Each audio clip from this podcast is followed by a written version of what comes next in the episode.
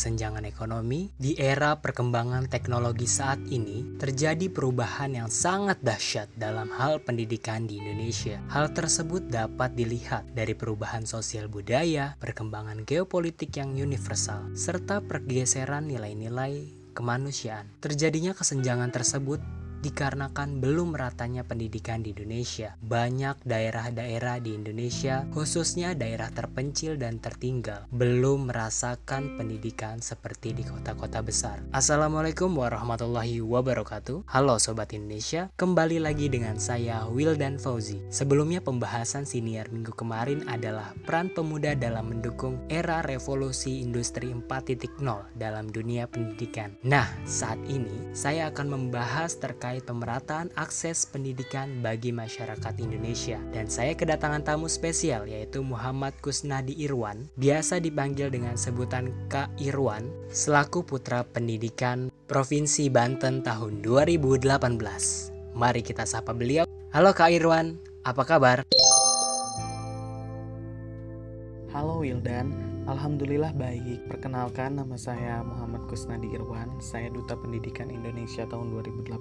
Senang sekali dapat diundang menjadi narasumber di siniar isu pendidikan, terutama membahas tentang pemerataan pendidikan yang ada di daerah dan di kota. Wildan sendiri bagaimana kabarnya? Alhamdulillah baik kak. Saya juga senang sekali bisa berbincang bersama pegiat pendidikan, terutama dalam hal pemerataan pendidikan di desa yang kian sedang marak-maraknya diperbincangkan. Sebelum kita bahas, mau tanya dulu nih nih kak, saat ini kesibukannya apa? Kalau boleh tahu. Untuk kesibukan saya saat ini, saya sedang mengerjakan tugas akhir skripsi di salah satu perguruan tinggi swasta yang ada di Provinsi Banten. Dan uh, pada saat saya mengikuti ajang Putra Putri Pendidikan Indonesia 2018, saya mengangkat isu tentang pemerataan pendidikan yang ada di daerah dan di kota. Hal yang menurut saya seharusnya kita tuntaskan bersama agar semua pelajar yang ada di Indonesia dapat mendapatkan hak-haknya dalam dunia pendidikan. Sebelum kita mulai, pantun dulu kali ya. Jalan-jalan ke Sukabumi.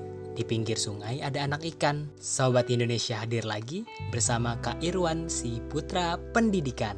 Baik, saya buka obrolan seru pada kali ini. Sudah saya gambarkan sedikit di awal bahwa kita perlu memperhatikan aspek pemerataan pendidikan di seluruh wilayah Nusantara. Sebagaimana Undang-Undang Nomor 20 Tahun 2003 Pasal 3 tentang Sistem Pendidikan Nasional menjelaskan bahwa pendidikan adalah sarana pengembangan potensi peserta didik agar menjadi manusia yang beriman dan bertakwa kepada Tuhan yang Maha Esa, berakhlak mulia, sehat, berilmu, cakap, kreatif, dan mandiri agar menjadi warga negara yang bertanggung jawab dan demokratis. Nah, selain itu, kira-kira menurut pandangan Kak Irwan, tujuan dari pemerataan pendidikan itu seperti apa ya? Baik, berbicara mengenai pendidikan yang merata, ini akan memberikan kesempatan pada setiap warga negara untuk dapat mengembangkan potensi dirinya dalam hal penguatan spiritual keagamaan, pengendalian diri, mempunyai kepribadian yang baik, kecerdasan, berakhlak mulia, serta mengembang,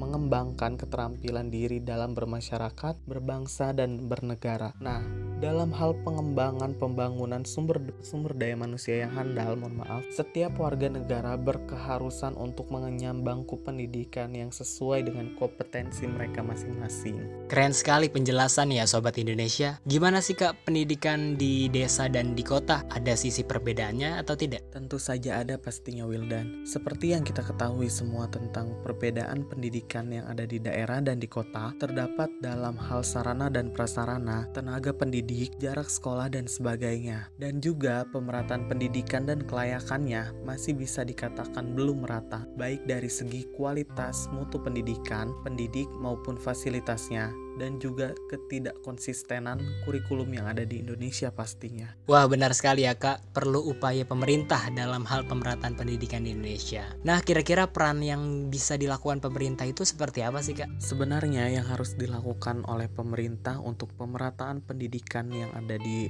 Indonesia dengan cara yang pertama pembangunan gedung-gedung sekolah secara merata di Indonesia. Terus yang kedua pembagian sarana dan prasarana yang ada di sekolah itu harus merata. Terus yang ketiga, ada peningkatan infrastruktur akses jalan menuju ke sekolah itu juga harus diperbaiki, harus dilihat, harus ditinjau. Terus yang terakhir, tentunya pemenuhan kebutuhan guru-guru terutama guru-guru yang ada di pelosok. Selain itu, pemerintah juga dapat melakukan peningkatan mutu pendidikan, menerapkan zonasi daerah, dan melakukan sistem pembelajaran daring sebagai bentuk dukungan terhadap kemajuan teknologi yang mana kita sudah memasuki era revolusi 4.0.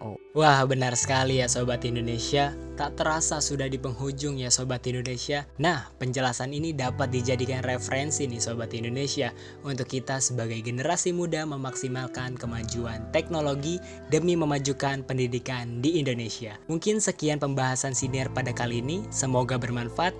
Saya ucapkan terima kasih banyak kepada narasumber yang luar biasa sekali memberikan pembelajaran yang sangat berharga.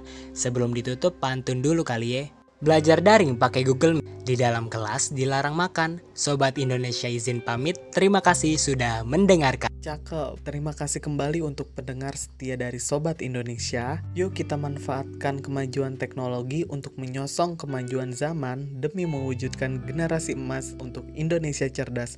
Salam literasi. Sampai berjumpa di siniar episode selanjutnya.